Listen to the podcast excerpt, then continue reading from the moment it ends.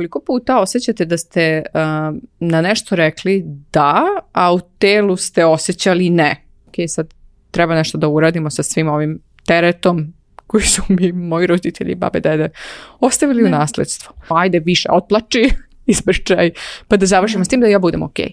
Ne postoji ta najbolja verzija sebi, idealna verzija sebe. Postojimo mi takvi kakvi smo u ovom trenutku. Hvala ti što sad u ovoj situaciji ti želiš da ja ispadam jako pametna i štitiš me da se ne znam, ne izblamiram, ne ispadnem glupa i slično. Ali meni je ovo potrebnije trenutno da čujem.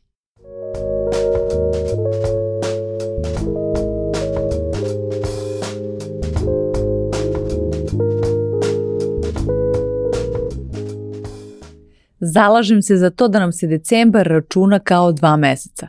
Toliko se većina nas istroši na različite načine.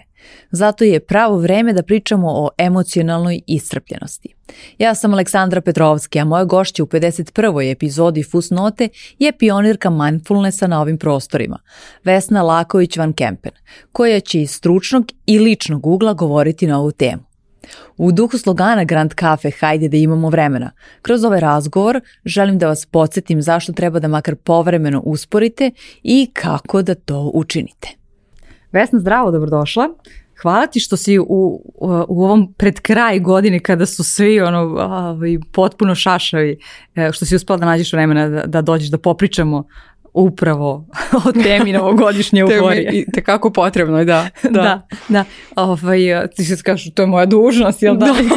da. ti je posla. Jel imaš ti e, utisak da je ove godine posebno intenzivna ta euforija? Meni su već ljudi, ne znam, od, od prilike 1. decembra rekli, e, vidimo se tamo posle 15. januara. I čini mi se da se to su stvari nekako produžilo, kao novogodišnja rasveta.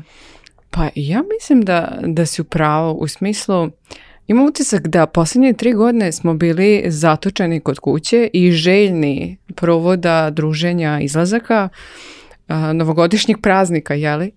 Tako da, da, primijetila sam i ja to, primijetila sam da i ove godine kao da je stvarno počela ranije, a onda opet s druge strane sve više ljudi mi se javlja, baš sam jučer imala razgovor sa jednom devojkom, da su emocionalno iscrpljeni već sada, iako praznici još nisu ni stigli, ali su već sada emocionalno istrpljeni od čitavih priprema, dolazaka, rodbine, prijatelja.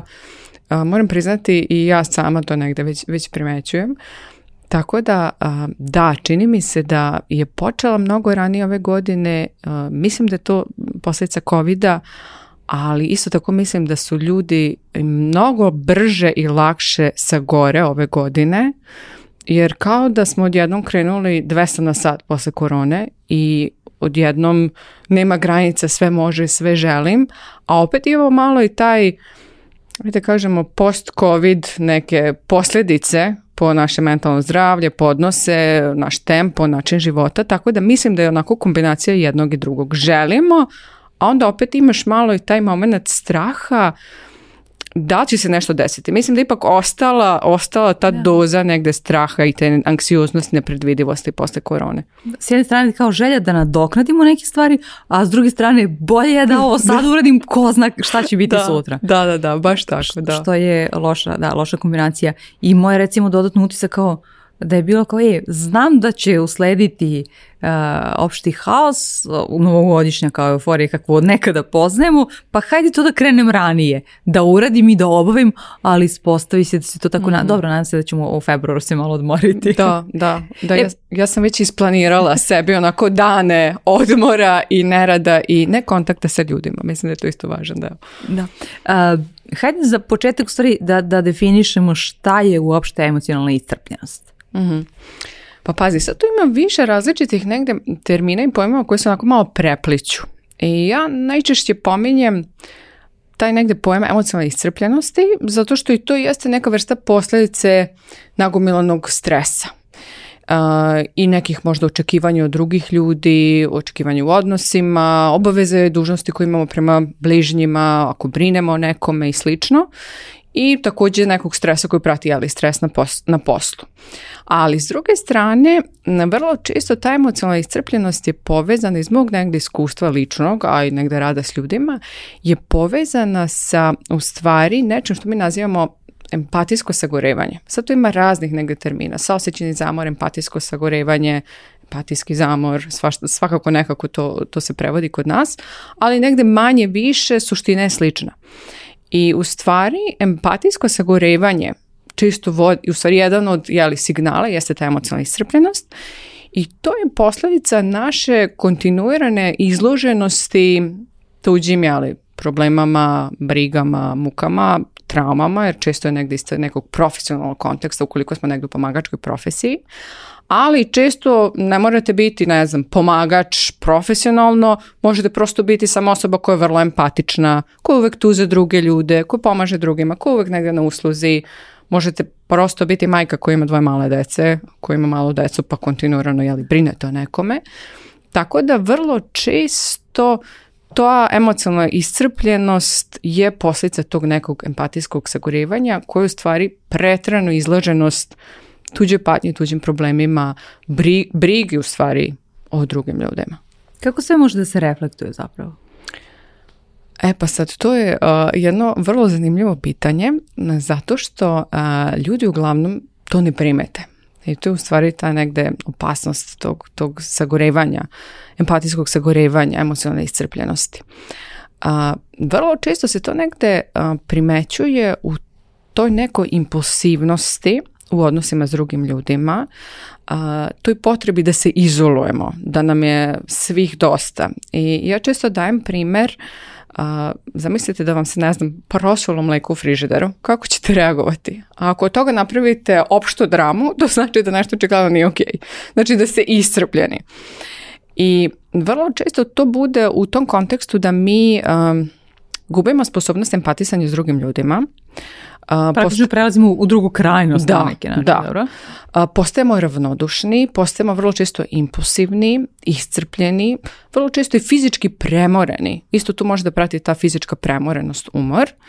I negde isto tako javlja se i ta neka ja e da kažemo ravnodušnost, možda čak i netrpeljivost prema drugim ljudima. U smislu, ja ne, sad će ona opet da me dođe sa njenim problemima. Ja sad opet to moram da slušam. Ja ne, opet ova priča.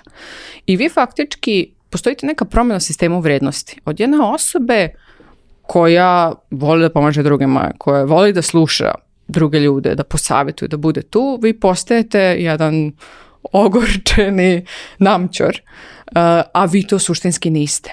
I onda se tu javlja taj strah, ok, ko sam ja sada ako ja nisam ta empatična osoba za koju sam ja verovala da jesam. I mislim da je to nešto što u stvari ljude onako najviše uplaši i što ljudi često brkaju sa depresijom. Znači, ljudi često misle da, da su možda i depresivni, jer kao gube tu neku želju za, za kontaktom, za druženjem, za viđenjem sa drugim ljudima, a u stvari to nužno nije depresija, već je možda baš ta emocionalna iscrpljenost, empatijsko sagorevanje. Da, i, i često uh, mešaju sa, sa burnoutom, mm. pa mhm. hajde tu da napravimo mm. također mhm. Mhm. razliku. Da, da. Razlika? razlika je uh, u tome što na svu sreću uh, empatijsko sagorevanje je mnogo lakše, pa da kažemo, izlečiti ili baviti se time ili negde napraviti tu neku prevenciju i pomoći sebi kako već prepoznamo te neke znakove. Oporavak je mnogo brži, ali razlika je u tome što je uglavnom burnout posljedica sagorevanja na poslu i posljedica negde stresa, a empatijsko sagorevanje je posljedica više izloženosti problemima drugih ljudi i to je nekoj pretjeranoj brizi u drugim ljudima. Vrlo često to možete primijetiti kod ljudi koji brinu o nekome koji je, na primjer, hronično bolestan. Znači imate bolesnu osobu, starije roditelje o kojima morate kontinuirano da brinete i slično. Tu isto se često javlja taj, taj, empatijsko sagorevanje. A burnout uh, može da traje duže i kod burnouta nema toliko te možda promene u sistemu vrednosti koliko ima možda kod empatijskog sagorevanja. To je nešto što sam ja onako lično primetila jer sam dosta radila s ljudima koji su imali burnout i koji su imali empatijsko sagorevanje i oni uglavnom odjednom postaju mnogo ogorčeni onako drugim ljudima, a ljudi koji pate od burnouta su više onako iscrpljeni. U smislu ne mogu nigde ni da odem, ni da se pomerim, ali nema toliko te, te doze možda ogorčenosti koju možete pronaći kod nekog ko se bori sa empatijskim sagorevanjem, sa osjećajnim zamorom. I to nije e, kliničko stanje, ali ipak kako sebi nekako možemo da, da pomognemo ako smo već ono, hmm, hmm. detektovali e, meni iskreno je mnogo pomoglo, e, jer ja sama kad sam se suočila sa tim, ja sam pretraživala što meni fali. Ono, klasičan Google, jeli? I kao, znam da nisam depresivna, znam da nisam anksiozna. znam da nemam dijagnozu, ali osjećam da nešto nije okej. I nisam, nažalost, naišla na mnogo tekstova ajde na stranim sajtovima da, ali kod nas ne toliko mnogo. I meni je iskreno okidač za krenem na, na psihoterapiju bilo što sam pronašla moju psihoterapeutkinju koja je tada u to vrijeme jedna pisala o tome. I ona je pisala to iz neke kao profesionalne uloge kada to stvarno može onako da, da postane problem, ali je pisala da to bukvalno svaki čovjek s tim može da se suoči. I mislim da je tu jako važno raditi sa psihoterapeutom. Ili bar krenuti, ajde da kažemo neki trening ličnog razvoja, bolje brigo o sebi, postavljanje granice, jer šta je vrlo često u pozadini iza saosećnog zamora? Vrlo često su to naše karakterne osobine. Znači, uglavnom, e, ljudi koji će se suočiti s ovim su visoko senzitivni, empatični, često people pleaseri. Znači oni koji imaju potrebu da udovoljavaju drugima. Teško kažu ne, teško postavljaju granice. E, ja uvek e, njih opisujem. To su sjajni prijatelji. Super je ako imate druga drugaricu koju prolazi, mislim strašno zvuči, ali oni su uglavnom ljudi koji ćete vi nazvati u pola noći i oni će biti tu za vas. Znači oni su super lideri, roditelji, jeli, negde handluju sve te životne uloge, ali posljedica toga jeste što oni znaju da budu tu za druge, ali ne i za sebe.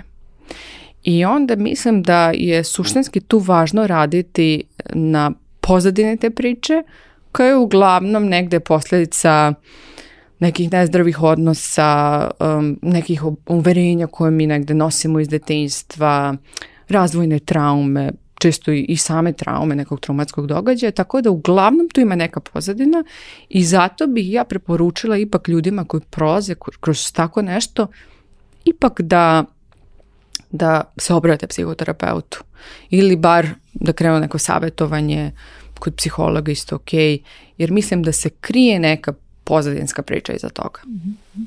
A, a kako kao ono, e, da se dovedemo u neko stanje gdje smo, ok, naravno da, postoji mm. tu, kao što si rekla, eh, nešto, nešto dublje što je bilo okidač eh, sve u tome, ali kako da se ipak nekako dovedemo u neko stanje gdje smo ok. Pa, eh, ja pa Kako da znamo da smo, kako da prepoznamo da smo na, na dobrom mhm. putu. Mhm. A ono što bih ja definitivno preporučila ljudima, što mislim da je kao najlakše, uh, jeste vežba mindfulness. Uh, odnosno svesnu pažnju za, za ljude možda kojima termin mindfulness nije poznat.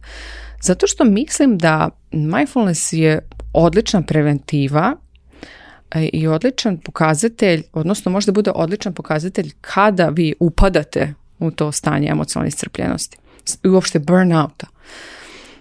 Zato što mindfulness vam pomaže na razvoju te samosvesti. I vi kada vežbate svesnu pažnju, odnosno svesna pažnja je primećivanje onoga što se dešava u meni, E, onoga što ja radim, dok to ja radim i trudim se da to radim, ali svesno i prisutno. E sad, tu imamo to svesno smeravanje pažnje na naš unutrašnji svet, na naše mise, naše emocije, naše telesne senzacije. I to je jako važan taj moment pauziranje, izustavljanje i primjećivanje, ok, šta se sad dešava u meni? Naprimjer, konkretno, za ljude koji prolaze kroz emocionalnu iscrpljenost. Ja sad imam razgovor sa nekim i vrlo često ovi ljudi su onako potpuno u fokusu na to šta, kako da pomognem, kako da dam savjet, kako da budem tu i slično. E sad, kada mi pričamo o ljudima koji su jeli skloni ovome, kako oni tu već u tim najbanalnim životnim situacijama mogu sebi da pomognu. Sa vremena na vreme vrati fokus na sebe. A, šta se dešava u tebi dok si ulozi tog nekog empatičnog slušalca. Da li mene ovaj razgovor počinje da umara? Da li ja osjećam onako blagu tenziju da sam sad uznemiran, da sad ne mogu više da slušam, da nemam više kapaciteta da slušam? da li sam nervozna, da li počne da me boli glava, da li imam neke misli u pozdatinske, ja li ću ovo da slušam i slično. Svi ti neki sitni znaci vam mogu pokazati da je možda vreme da, da pauzirate, da napravite granicu, da prekinete razgovor ili nekada prosto iskreno da kažete osobi nemam trenutno kapaciteta ovo da slušam, hajde da se čujemo sutradan pa mi možeš pričati o tome ili prosto reći osobi vidi imam utisak da me stalno zoveš kad imaš neki problem. Uh, mogli bi me pozvati da mi pričaš nešto pozitivno, lepo što ti se dešava. Znači, postavljanje granice je tu veoma važno. I primećivanje, osvješćivanje gdje je u stvari naša granica. Vrlo često ovi ljudi to ne znaju i vrlo često oni onda doživljavaju sebe kao sebične. Sad ako ja to kažem, ako ja, kako ja sad obraćam pažnju na mene kada nije poenta u meni, nego poenta u tebi da ja taj pomognem.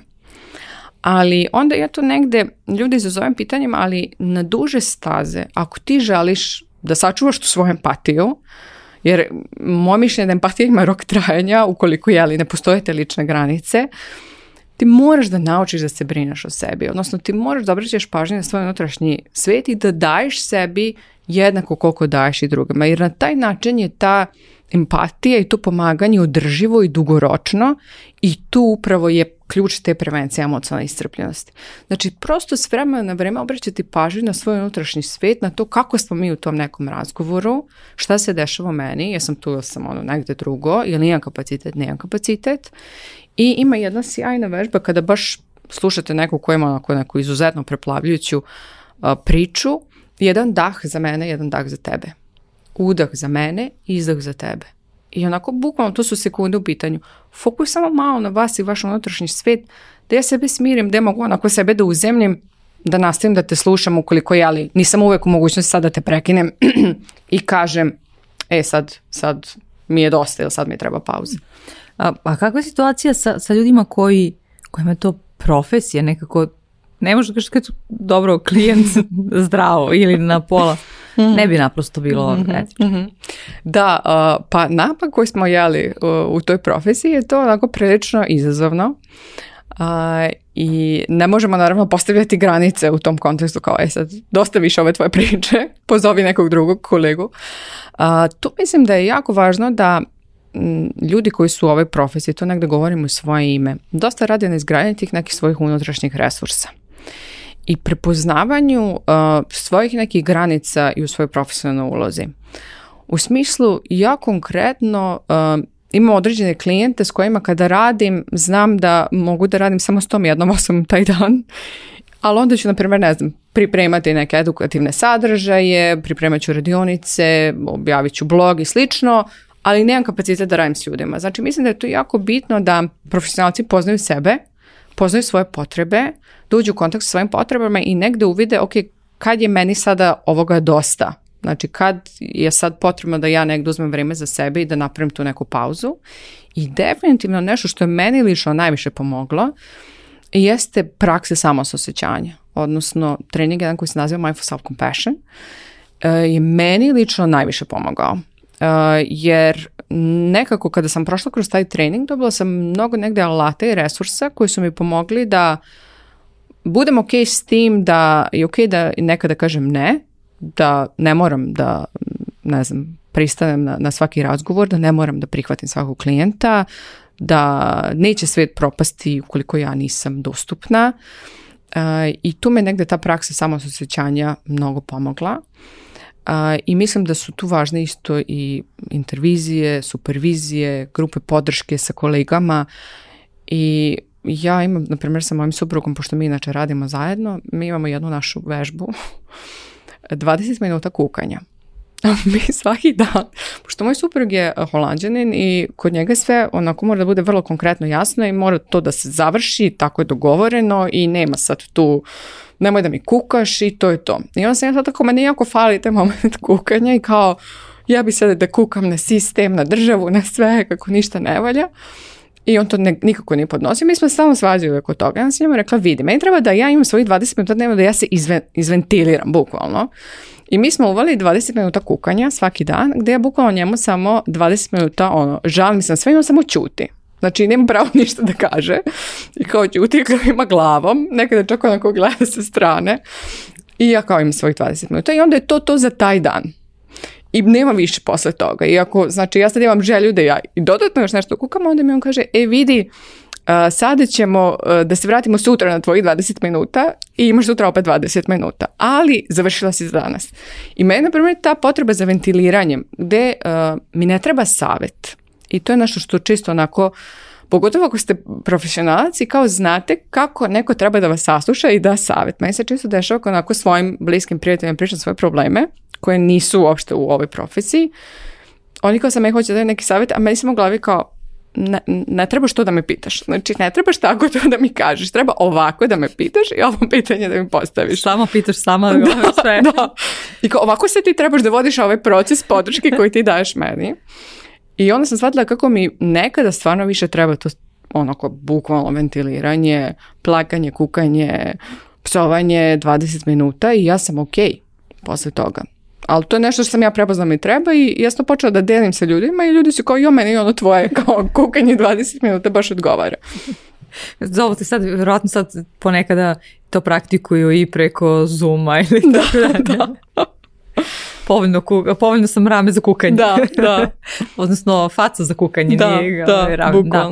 E, jel možeš da, da, da sa nama e, još, neku, još neki od alata ili neku veži koje si e, na, na samosaosećajnosti, na kursu samo mm mhm. ovaj, dobila da, da ti je bilo onako kao wow, ovo baš radi. mm Meni je mnogo pomoglo konkretno iz prakse um, samosećanja taj deo samokritičnosti jer e, mislim da ljudi koji generalno imaju tendenciju ili ka burnoutu ili ka emocionalnoj crpljenosti su uglavnom perfekcionisti i uglavnom imaju onako negde visoko očekivanje od sebe i u odnosima i privatno, profesionalno, kako god. I ja sam primijetila, uh, e, počela sam da prepoznam tog mog unutrašnjeg kritičara u smislu kad se on javlja u kojim situacijama. I onda sam tu, tu ima dva lika. E, čak se mi onako negdje karakterno je opisala. Jedan, jedan sredovečni hladnokrvni intelektualac, a drugi je jedna očajna pasivno-agresivna domaćica. I oni se tako smenjuju u različitim fazama mog života. I ono što sam ja negde, e, što meni bilo značajno iz prakse samo osjećanja, jeste da se postavi pitanje, ok, e, šta ovaj unutrašnji kritičar mene želi da nauči sad u ovoj situaciji? Zašto se on javio? koja je njegova svrha, jeli, od čega on mene možda štiti i onda odati zahvalnost njemu. Ok, hvala ti što sad u ovoj situaciji ti želiš da ja ispadam jako pametna i štitiš me da se ne znam, ne izblamiram, ne ispadnem glupa i slično. Ali meni je ovo potrebnije trenutno da čujem. E sad, uh, u praksi samo osjećanje mnogo se radi na tom pronalaženju tog ličnog vašeg autentičnog govora koji će biti podržavajući. E sad, danas se mnogi frljaju s tim autentičan govor, pa se to onako prepisuje iz različitih knjiga ličnog razvoja i slično, ali mm, i to je ljudima teško da pronađu. I onda ljudi ponavljaju tako neke fraze koje realno niko od nas ne govori u svom svakodnevnom govoru. E, I meni je tu pomoglo da nađem neke moje rečenice koje će mene podržati u tim situacijama pre nego ta kritika. Znači, prepoznati kad ta kritika stvarno ne funkcioniše, a kad mi treba da čujem nešto podržavajuće. I ja, na primjer, to kad radim s klijentima, ljudi kažu da e, su neke to rečenice kositi si ti meni kraljica. Mislim, bukvalno, to nekome radi. I to može čak biti nešto onako duhovito, smiješno. Ne mora nužno biti, ne znam, neka empowering sentence koja vas onako boostuje. Može biti ne, neka duhovita fraza i nekada ja onako bukvalno samo sebi kažem, e, znaš šta, sad je dosta. Dosta je više sa ono tim kritičnošću, sa osuđivanjem sebe i sl. Znači, to je nešto što, što je meni pomoglo da promenim taj neki unutrašnji monolog koji imam. I isto što mi je veoma značilo, u praksi samo sa osjećanjem imamo jedan element ljudskosti. I kada govorimo kako se vežba to samo osjećanjem, imamo tri elementa u stvari mindfulness, ta svesna pažnja, samosvest, menjanje tog unutrašnjeg govora, odnosno davanje sebi te neke empatije. I treći moment je taj moment ljudskosti. I ja sam primijetila primetila da mi to mnogo falilo u, u životu generalno. I što uopšte to znači? Pa mi kada prolazimo kroz neke teške periode, baš kad se suočamo, možda sa emocionalnim iscrpljenošću, mi imamo tendenciju da se izolujemo. Mhm. Odnosno, možda smo mi okruženi drugim ljudima, ali e, niko ne zna šta nas suštinski muči. I nismo baš spremni da onako podelimo neke svoje jeli, najintimnije probleme, tajne i slično. E, I tu negdje vežbamo tu svijest da svi ljudi prolaze kroz teške periode i da mi nismo jedini i ekskluzivni u našoj patnji i našem bolu i da svako od nas u jednoj prostoriji ako nas okupi nas 20, 30, 100, svi znamo šta je patnja, svi znamo šta je poraz, svi znamo šta je problem. I to nas nekada još više povezuje sa drugim ljudima. I ono što je meni tu pomoglo jeste da negujem tu negde svijest, ok, eh, ja mogu da podelim moj problem sa drugima, to je ok, možda drugi neće razumeti, neće moći da shvate neke stvari, ali moći će, da se povežu sa mnom na tom nivou, ajde da kažemo, tog nekog ljudskog bola, tih nekih neprijatnih osjećanja i moći će da budu tu za mene. I negde počela sam onako da bivam, moram priznati onako, ranjivija i iskrenija u tim nekim najbližim odnosima u smislu deljenje nekih stvari o sebi koje možda nužno ranije ne bih delila. U smislu kao da imam narcisističke tendencije ili da znam da budem zavidna, znam da budem ljubomorna, što na primjer ranije kako će sad meni drugi to da vide, na primjer mene je to mučilo ili meni je to teško padalo, jeli, što sam prepoznavala te neke negativne tendencije kod mene. Tako da ta negde prosto podsjećanje to mi je pomoglo. I iz mindfulness onako negdje najjednostavnija stvar koju ja uvijek govorim, mislim, gdje god da predajem, fokus na tri stvari koje nas uvijek vraćaju u sadašnji trenutak, kada smo pod velikim stresom, fokus na zvukove, ono što možemo da čujemo, fokus na telo, šta se deša u telu, koje su telesne senzacije i fokus na disanje. Te tri stvari meni i dan danas najviše funkcionišu da me smire i vrlo često što se onako negdje previdi i pocenjuje, uglavnom ljudi pominju taj fokus na disanje jeste, uh, jesu čulne senzacije, jesu čula, dodir. Naprimjer, primjer sam pod velikim stresom znam ovo da radim. I prosto da osjetim površinu pod rukama, da negdje sebe smirim. Tako da te neke sitne stvari vrlo znaju da budu umirujuće. E, hajde se vratimo na, na taj deo priznavanja drugima, hajde tako da kažemo. E, posebno mi je e, interesantno sada u kontekstu e, dolazićih E, praznika gde svi nekako e, i tako nam se slika emituje, pa je, možemo reći, i društveno očekivanje, e, možda sada malo manje nego ranije, jer se sve ovo o čemu si pričala otvara, otvaraju sve više kao, kao teme, možda bar tako u tvojim i mm. mojim krugovima, ne, ne svuda. A, ali, e, dakle, generalno i dalje imamo potrebu to kao ako nisi super uzbuđen zato što su praznici ili ako e, ne ideš među ljude e, i nisi nasmejan i kako god i ako nemaš neke super velike planove za narodnu godinu, dvojka si. Mm. Mm, I kako tek onda u toj situaciji da, da priznamo nekom ili da kažemo otvoreno šta god, ne volim da idem na žurke zato što ono, iz narcističkih razloga imaju svi bolje haljine od mene i ne mogu to da podnesem. Što je mm. okej. Mm, mm. Mislim da je tu, a, na kraju se sve svodi. Mislim, sad imam kao s jedne strane imam odgovor koji je jeli dolazi negdje iz, iz mojih učenja, iz moje prakse, iz onoga jeli što mindful self compassion govori, što mindfulness govori, ali s druge strane imam jedan kao lično mišljenje. Mislim da je to mnogo do hrabrosti. mislim da u tim nekim situacijama je važno, prvo važno je osvijestiti koje su naše vrijednosti u životu. Znači šta je meni bitno? Kad pričamo generalno o nekim društvenim očekivanjima, pogotovo i za vrijeme praznike, da li je meni bitno da ja ne znam, svaki odmor uh, provedem nekoj fancy, egzotičnoj lokaciji, da li je meni to uopšte važno, mm, da kao se ne znam, pokažem, prikažem, da imam neki status, da li mi je važno da ne znam, moja porodica, da provedem ne znam, raznike sa bližnjima, pa mi je porodica jako bitna, pa onda i to namećem drugima, jeli? I mislim da je tu važno prepoznati koje su naše vrednosti i šta je nama bitno. I koliko mi imamo hrabrosti da živimo te vrednosti. E, i me... Opet vraćamo na tu autentičnost koju si, o si pričala, ali to jeste. Da, da. Koliko smo mi negde spremni da živimo te vrednosti i koliko smo spremni da rizikujemo da će nas možda neki ljudi pogrešno shvatiti, protumačiti, um, koliko će nas podržati, osuditi i slično, ako mi ali nismo upakovani u taj neki šablon očekivanja.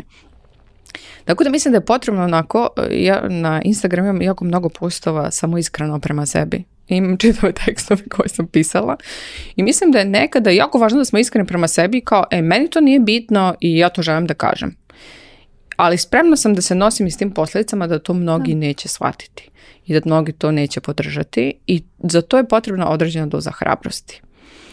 I meni se jako dopada baš sada u ovoj novoj knjizi um, Mito normalnosti Daniela i Gabor mm Matea ima jedna sjajna vežba gde se baš pominje koliko puta osjećate da ste um, na nešto rekli da, a u telu ste osjećali ne ja se negdje stvarno vodim tim kad su u pitanju ta neka društvena očekivanja, norme, konkretno evo sad i za praznike, ja i suprug nismo ništa još smislili, ni gde ćemo, ni šta ćemo i kao na kraju smo, ja bože, opet ćemo sediti, opet ćemo kod kuće, kao treba da smisliš, ne znam, ni da idemo.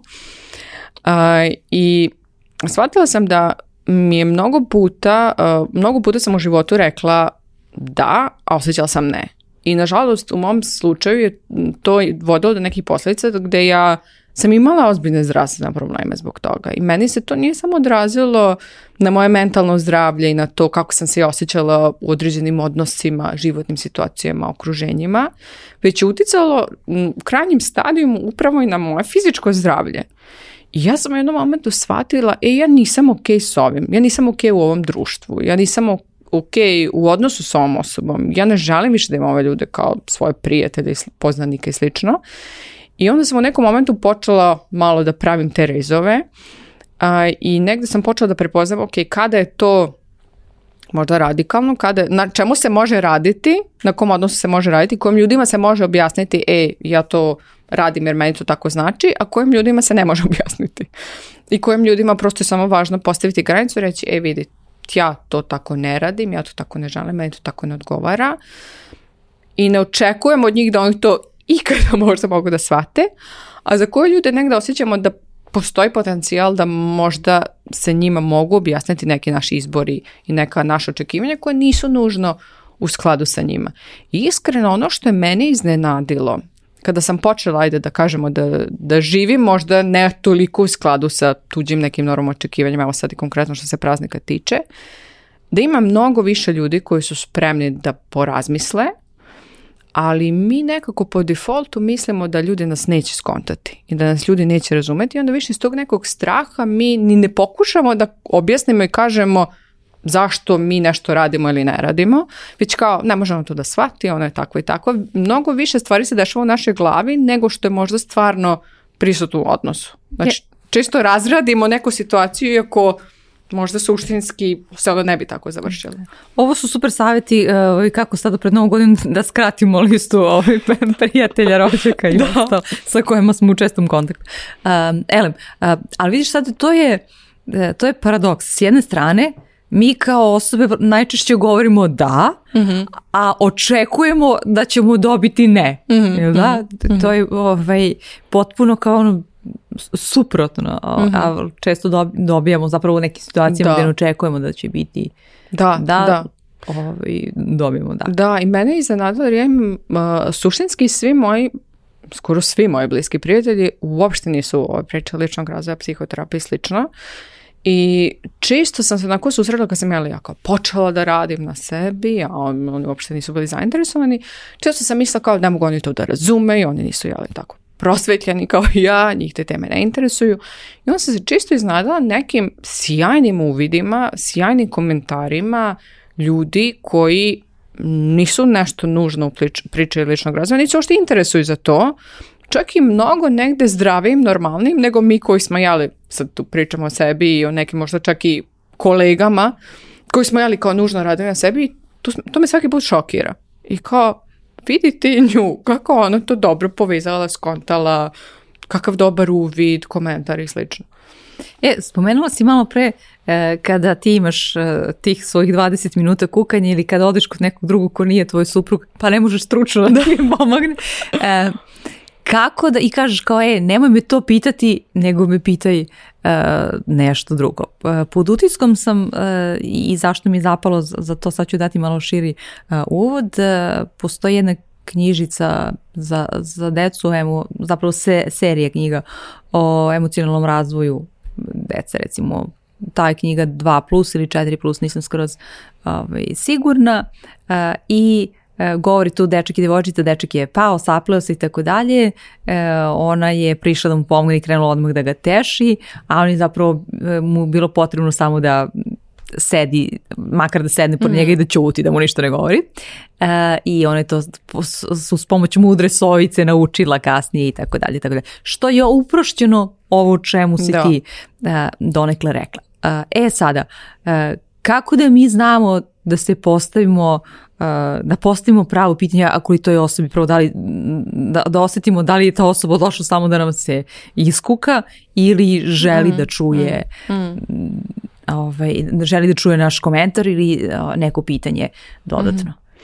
Mislim da je tu uh, moja sestra je inače isto, mislim ne isto, ali u toj priči i ona je psihoterapeuta.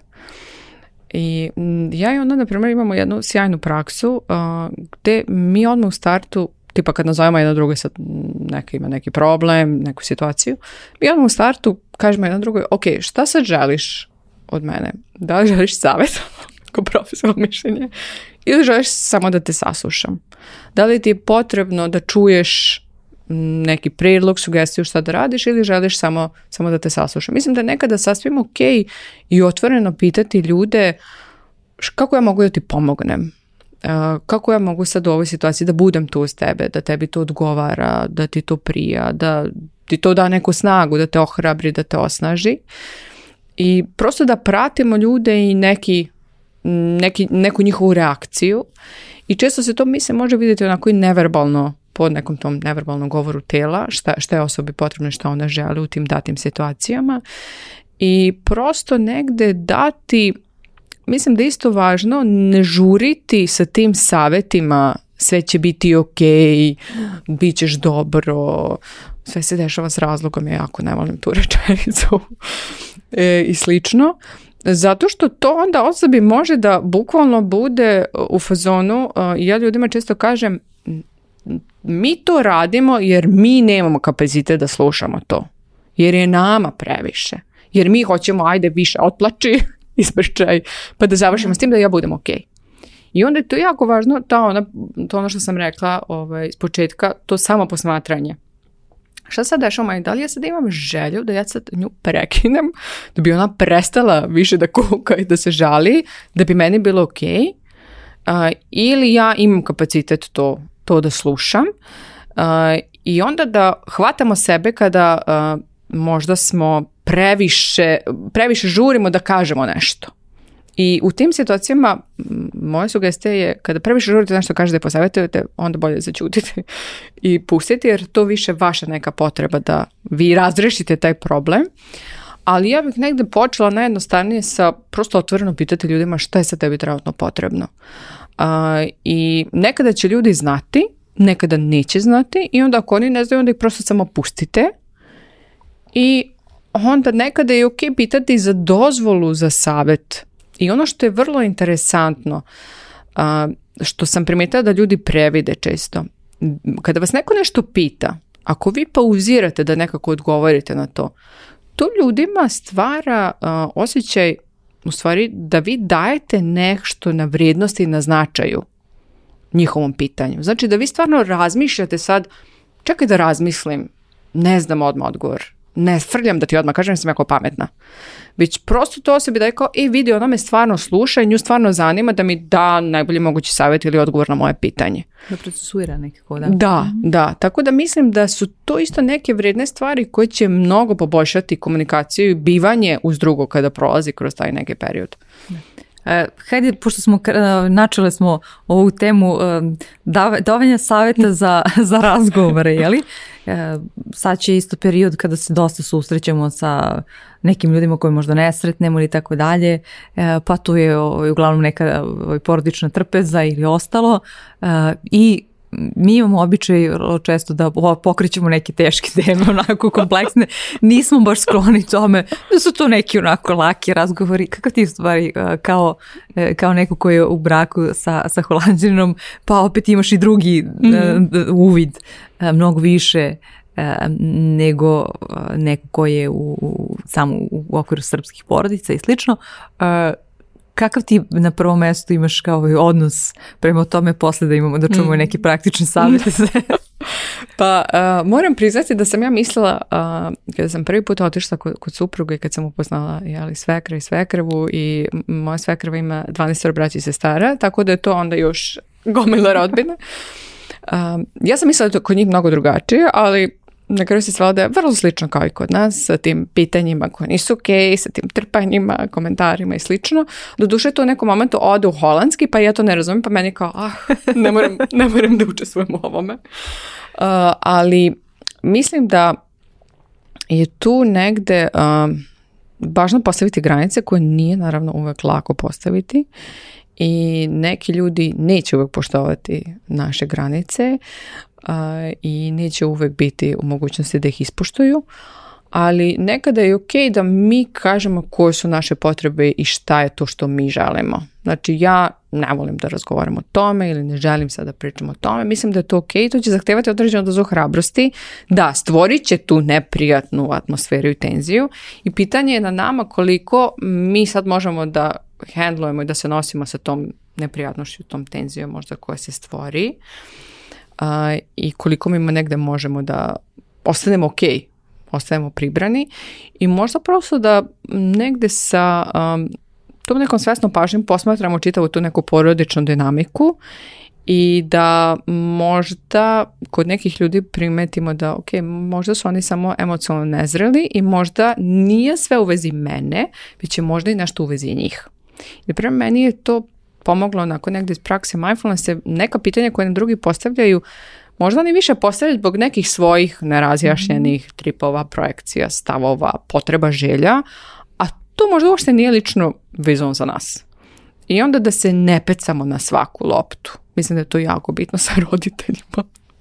da se ne pecamo na svaku loptu i um, ono što ja često radim, što ma sestra kaže da je moj odbrmeni mehanizam, uh, ja mnogo toga prebacim na humor što je meni mnogo lakše i onda kao počnem da, da se sprdam, da se šalim, kao aha, evo opet ovo pitanje, opet ćemo sad ovu temu i slično, jer na primjer meni, kod mene konkretno to je jedan odbremeni mehanizam kog sam ja rekla, ne želim da se odreknem, jer meni to onako pomogne da navigate, jeli, mm-hmm. kroz celu tu priču praznika. Ali e, čak i e, osim tih e, kompleksnih pitanja, li ili kako god da, da ih sada nazovemo i slično, e, postoji i ovako neke, e, generalno kada se sretnu prijatelji u, u nekom noćnom provodu ili slično, ili na nekoj slavi ili tako dalje, to se nikada ne, ne ostane, znači to su uvek neke kompleksne, onako duboko omislene mm. teme i slično.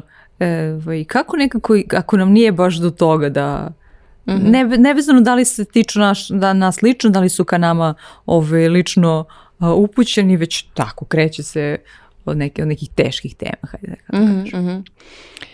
Pa pitanje je sada da li su to neke teške, da li je to nešto, misliš da li to nešto o čemu mi želimo da razgovaramo ili ne želimo, pa kao želimo da postavimo granicu? Pa da, ne mhm. želimo, želimo naprosto se isključimo iz tog razgovora u tom mm ne, ne se lično nas ticati. Mhm, Mislim da je tu jako važno biti onako jasan i, i reći ljudima koje su naše potrebe i šta mi želimo.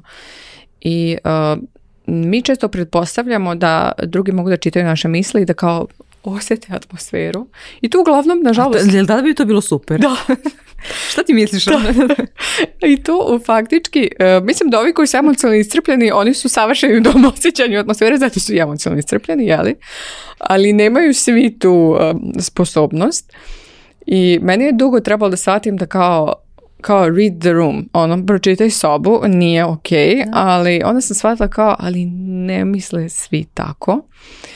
E, I mislim da je tu važno negdje jasno reći e, i jasno negdje spoljiti šta je nama potrebno i šta je nama ok i šta nama nije ok. E, I ukoliko naravno ne možemo da, da nekako se isključimo iz tog razgovora jer smo jeli u nekom društvu gdje prosto ne možemo sad negdje da, da odemo, i ja onda imam tendenciju da radim moje vežbe uzemljenja, da ostanem sama sa sobom pribrana i čisto mi pomaže um, na primjer, isto što je meni posebno značajno, uh, ja nekad nisam ni svesna da meni određeni razgovori ne prijaju. Već se onako upecam i uđem u te razgovore. I, na primjer, to mi je mindfulness mnogo pomogao da jer sam ja onako vrlo znam da budem brzo opleta u komunikaciji i uđem i sad ja kao krenemo neku raspravu, nešto i onda pa kao što mi je to trebalo, što sam možete tu pričala, ulazila i slično, to mi je mnogo pomoglo da, na primjer, pratim svoje tijelo i senzaciju u telu. I onda mi se dešavalo, jednom bila sam na nekom seminaru i sedli smo svi zajedno za nekim stolom i sad neka devojka nešto pričala i ta tema mene toliko mi je išla na živce, znači ništa se nisam slagala što ona pričala, se da on drži monolog i svi je slušaju i sad ja vidim i druge me prijatno. ja sam samo osjetila na momentu kako se meni grči rame i kako ja faktički sedim ovako s pesnicom. Ja sam samo osjetila u fazonu, ja ne želim da budem ovde. ja se uopšte ne osjećam lepo ovde, jedino sada ili ću ući u totalno konflikt debatu s njom, nije mi toliko stalo da uopšte ulazim bilo kakve rasprave da ja sad to nešto njoj objašnjam, dokazujem. Ja sam samo pokupila i otišla. Kao idem ja nas, za drugi sto, ok. I u nekim, stvar, u nekim momentima je bitno je proceniti, pogotovo za ljude koji suočavaju samo sa iscrpljenošću u kojim e, situacijama ja želim da uđem u taj razgovor, tu diskusiju, a kad ja želim da sačuvam svoju energiju i nekada ok, prosto se povući i otići. I meni je to primjer taj moment prepoznavanja mog tela i reakcije mog tela na određene ljude i situacije pomogao da onako čuvam tu svoju energiju. E, ti dosta radiš sa, sa mladim ljudima i e, nedavno si bila čak i u Cirihu na fakultetu gdje si mhm. držala a, predavanju upravo na, na temu emocionalne istrpljenosti e, i kad smo nedavno pričali, ti si mi ono što je meni pozitivno iznenadilo, e, rekla i prenela utisak da mladi baš mnogo više nego što mi možemo zamislimo su svesni toga i brinu o svom mentalnom mm, zdravlju. Mm. Da, to je mene isto iskreno baš, baš iznenadilo. Doduša oni su u Cirihu radili neko istraživanje sa studentima 2019. i vidjeli su kako su studenti onako, kako su, bili su prilično onako nedobre rezultati vezano za njihovo mentalno zdravlje i zato su oni negdje mene pozvali i žele, i žele da rade nešto povodom toga, ali to sve krenulo na inicijativu studenta. Znači, u pitanju su studenti podržani od strane profesora, asistenata i slično. I ono što je mene iznenadilo jeste da oni se mnogo interesuju za te teme, mnogo već znaju. Ja sam konkretno radila desetonednevne mindfulness programe za mlade, gdje meni dođe mladić od 20-21 godine i kaže kako on meditira već od 16. godine. A ja sam ja kad sam bila 16, ne znam šta sam radila, izlazila sam. To mi je bilo onako vrhunac života. Gdje ću to je bila meditacija. Da, to je bila meditacija. I šminkanje. I šminkala sam se i kao, gdje ću izaći ovaj vikend? Hm, glavno pitanje. I oni onako rade na sebi, dosta toga znaju, dosta čitaju, prate vide, imaju već sve aplikacije i slično. ali ono što je njima potrebno m, mm, jeste neko pravo usmeravanje jer oni se onako navuku na to, njima je to kao moderno, popularno i slično. I onda, na primjer, kao, ne znam, ja sam probao, mi smo se takmičili, ko može duže da meditira, a mene je tri dana bola glava. ja kao, ja kao, tako se ne radi meditacija.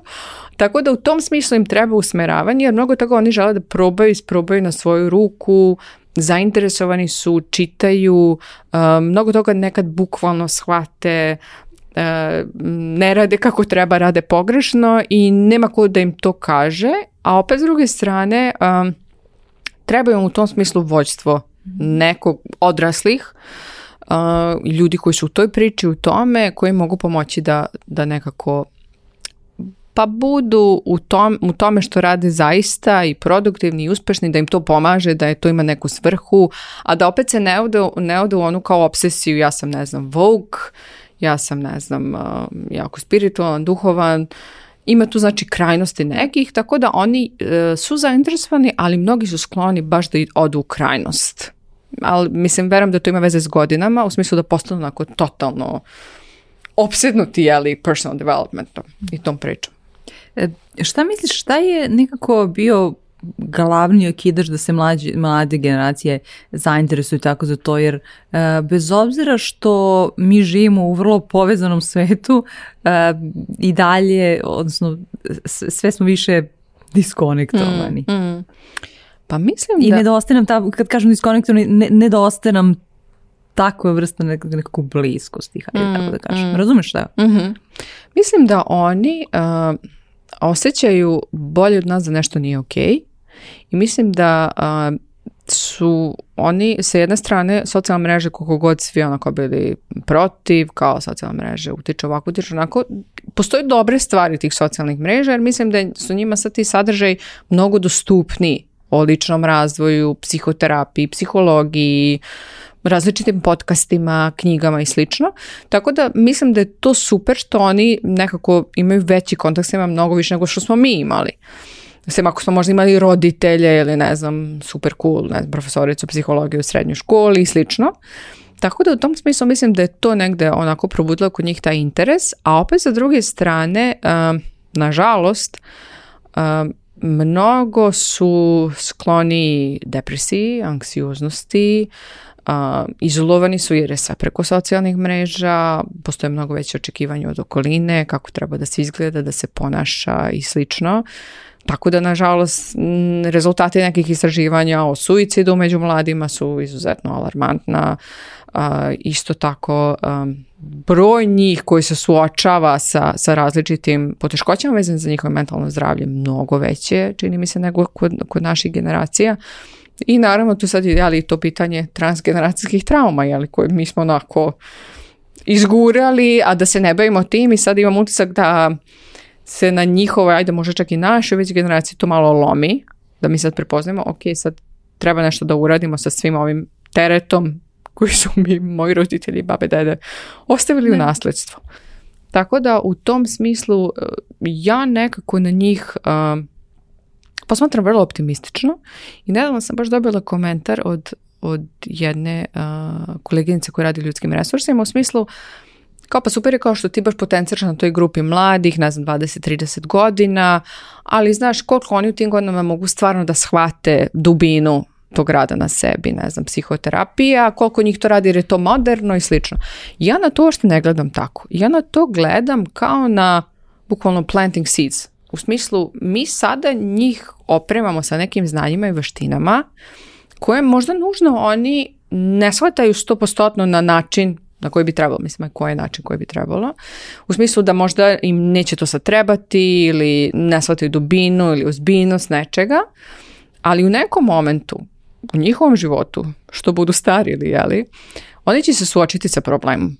Oni će se suočiti sa izazovim, sa padom, sa, sa vrlo teškim životnim situacijama, kao i svi mi, jeli, sa preprekama. I tada će oni imati neke resurse koje mi nismo imali. I u tim momentima će njima to koristiti. I to sam negdje vidjela iz ličnog negdje rada. Pri 7-8 godina kad sam radila neke mindfulness treninge sa mladima, oni mene sada kontaktiraju, jer su sada zaposleni u tim nekim firmama, kompanijama i kao, e, ja bi sada ti dođeš da, ne znam, održiš edukaciju o mindfulnessu, jer meni to znanje i dan danas koristi, 7 godina kasnije. I to je meni negdje znak da naša dužnost, jeli, je da mi njih opremamo sa tim znanjem vještinama. Kada i kako će oni to koristiti, koristit će sigurno jer niko ne može da izbegne životne probleme.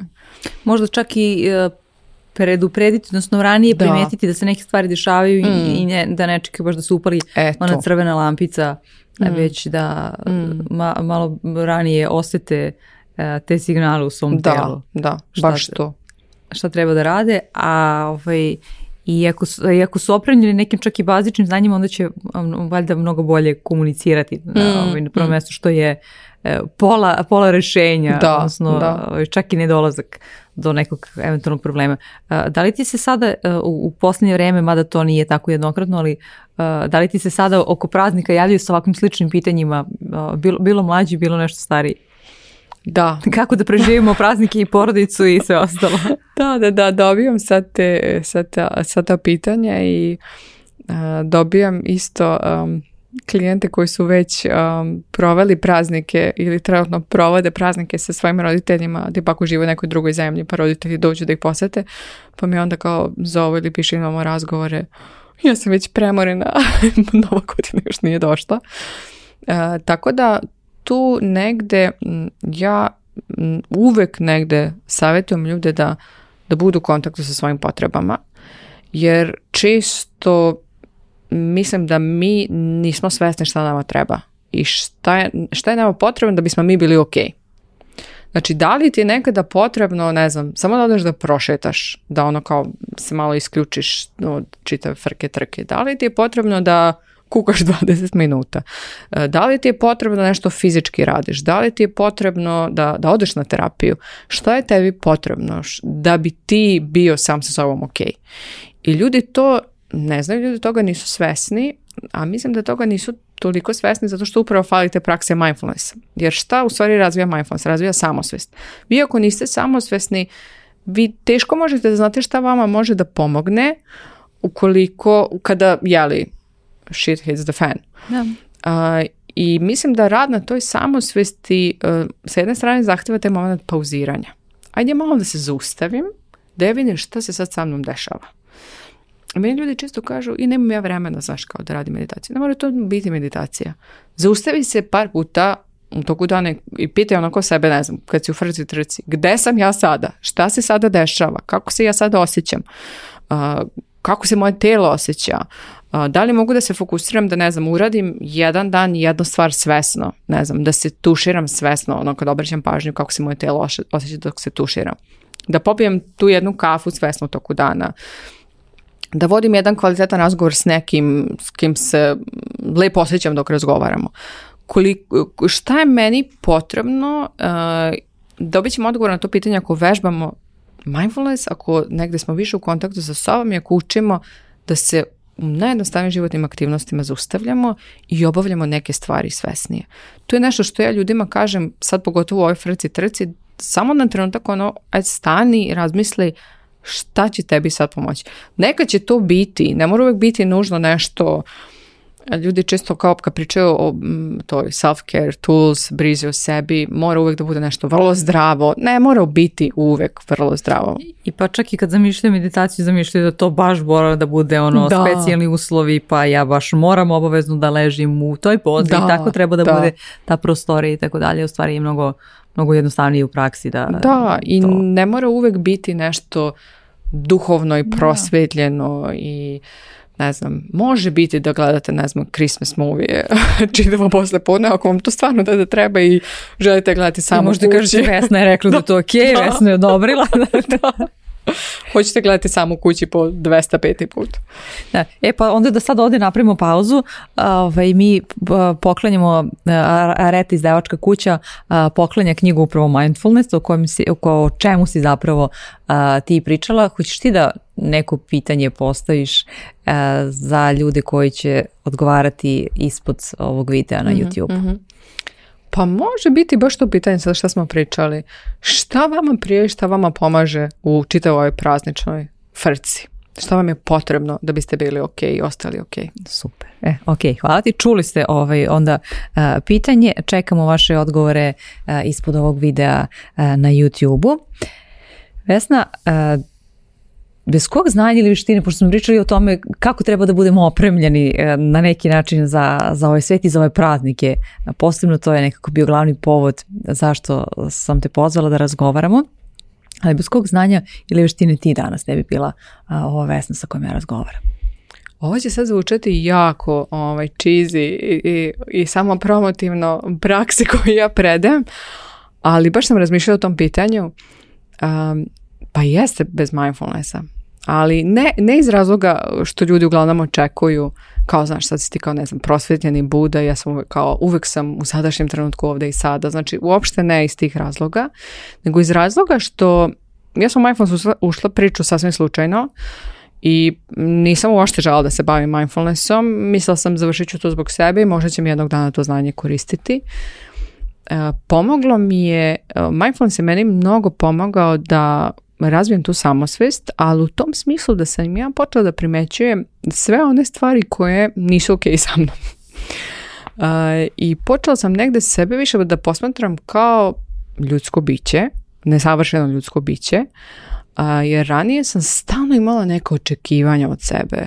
Treba da budem ovakva, ili treba da budem ovakva, treba da budem bolji prijatelj, bolja, bolja radnica, odgovornija, svesnija, pametnija, šta god.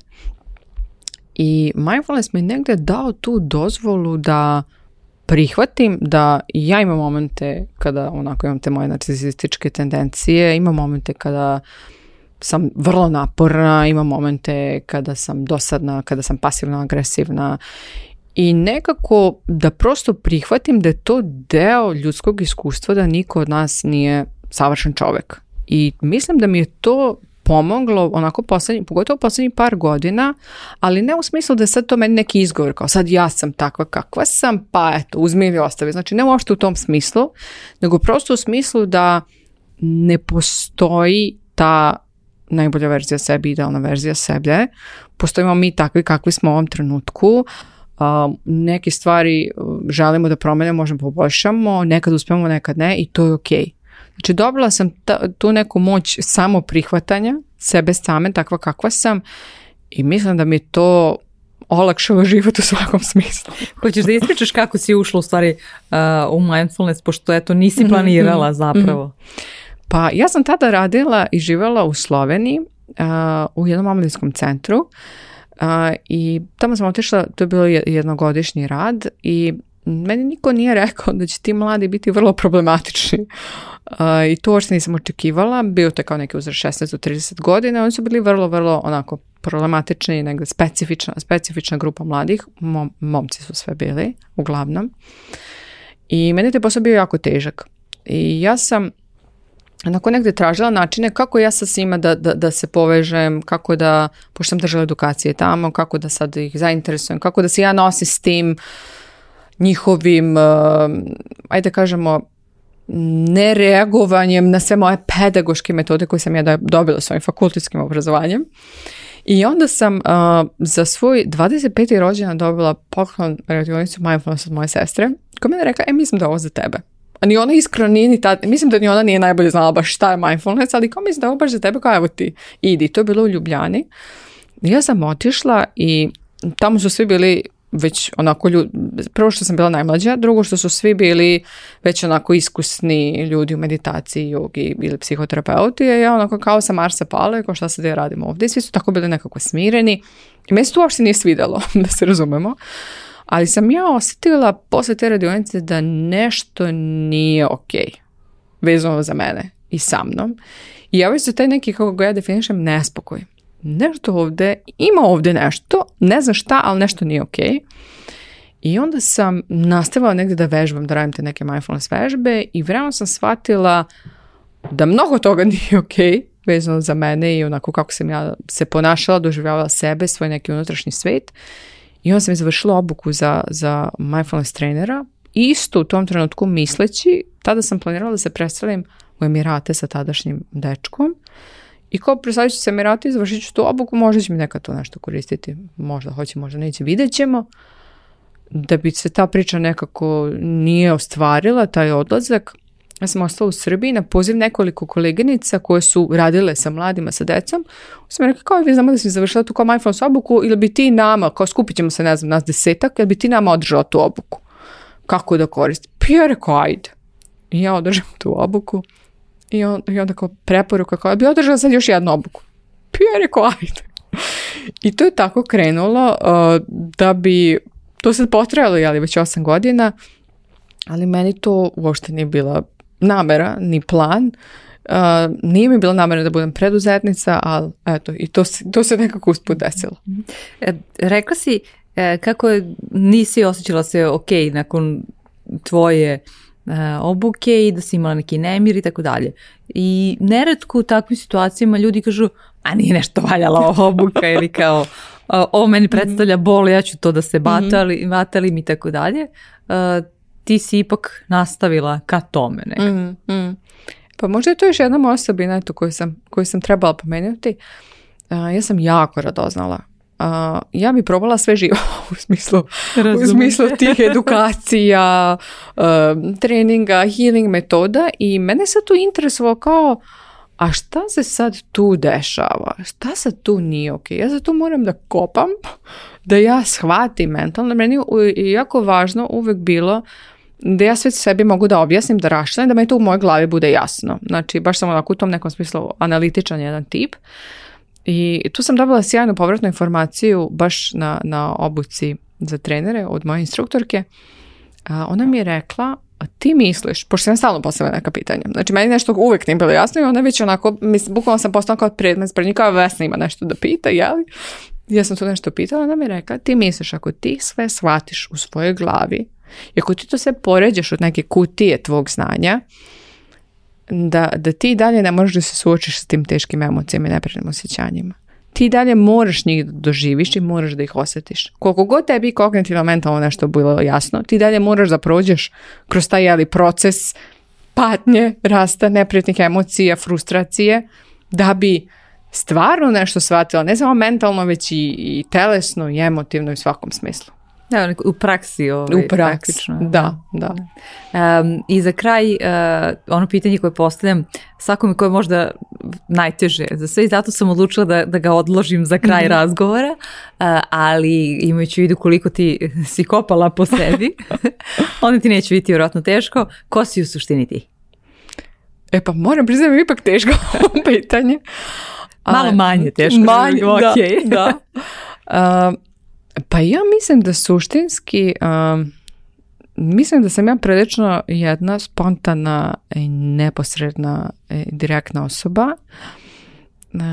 ali nažalost i osoba koja je vrlo, vrlo bitan humor, ali nažalost to je jedna borba koju ja stalno vodim sa sobom, uh, nažalost ja to često potiskujem jer mislim da to nije okej ali mislim da ako sad već pričamo tu priču o autentičnosti, mislim da je to moja autentičnost, da sam ja vrlo spontana, neposredna i onako sarkastično duhovita uh, i da suštinski, suštinski me nije briga što drugi ljudi misle o meni i kako me drugi doživljavaju, ali zbog nekih jeli, načina odrastanja, života, trauma razvojnih, transgeneracijskih uh, uverenja, da ja to nekako stalno potiskujem i da se plašim da profesionalno, pogotovo u profesiju kojoj sam ja, to nije ok.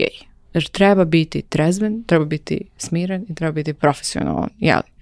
I zato mi mnogo prije rad sa mladima, jer e, sa mladima ja to ne moram da krijem, ja mogu da budem i neposredna i to, to je čak i vrlo poželjno jer oni nekako vide kroz tebe i to mi je pomoglo jer sam ranije više radila s decom, to mi je mnogo pomoglo u radu s decom oni nekako vide kroz tebe i vole to i osjete tu, tu iskrenost, neposrednost i spontanost i to je jedna borba, to sam suštinski ja, ali to je jedna borba koju ja stalno vodim samo kao kada mogu da budem ja, kada je ok, kada nije ok i to je nešto na čemu ja dajte kažemo, kontinuirano mhm. radim da pustim da prosto budem tako. Da. Um, osim toga da uklonimo ili da budemo manji ili da ne budemo uopšte emocionalno istrpljeni, E, šta je tvoja novogodišnja želja svima koji su otlušali ovaj razgovor do kraja? moja želja je stvarno... Da za... probi mindfulness. Da probaju mindfulness. Definitivno. Tu će vam sigurno pomoći. da, da prate sebe. Mislim da je to veoma, veoma važno. da se zaustave na trenutak da prosto onako pitaju sebe e, najbanalnija životna pitanja. Ko sam ja sada? Šta se sada dešava u ovom trenutku? Kako sam ja? Da li ja mogu ovo nešto ili ne mogu? I dosluškujte neke svoje unutrašnje potrebe i da primećuju kada, to je ona sjajna vežba, da primećuju kada osjećaju stvarno to da i da je to njihovo iskreno da jer nešto stvarno žele i stvarno su zainteresovani za nešto i žele da odu na tu žurku, žele da potroše te pare za tu haljinu, a kada je to ipak ne. I mislim da je za to potrebno onako negde malo utišati taj svoj monkey mind, uh, utišati tuđe neka očekivanja i prosto doći u kontakt sa sobom. E, ja ću ostaviti ovako jednu praznu liniju da ti da opišeš e, svoje želje, a ja ti šaljem dobru energiju da ih uh, ostvariš. Hvala ti puno na ovom razgovoru. Hvala tebi.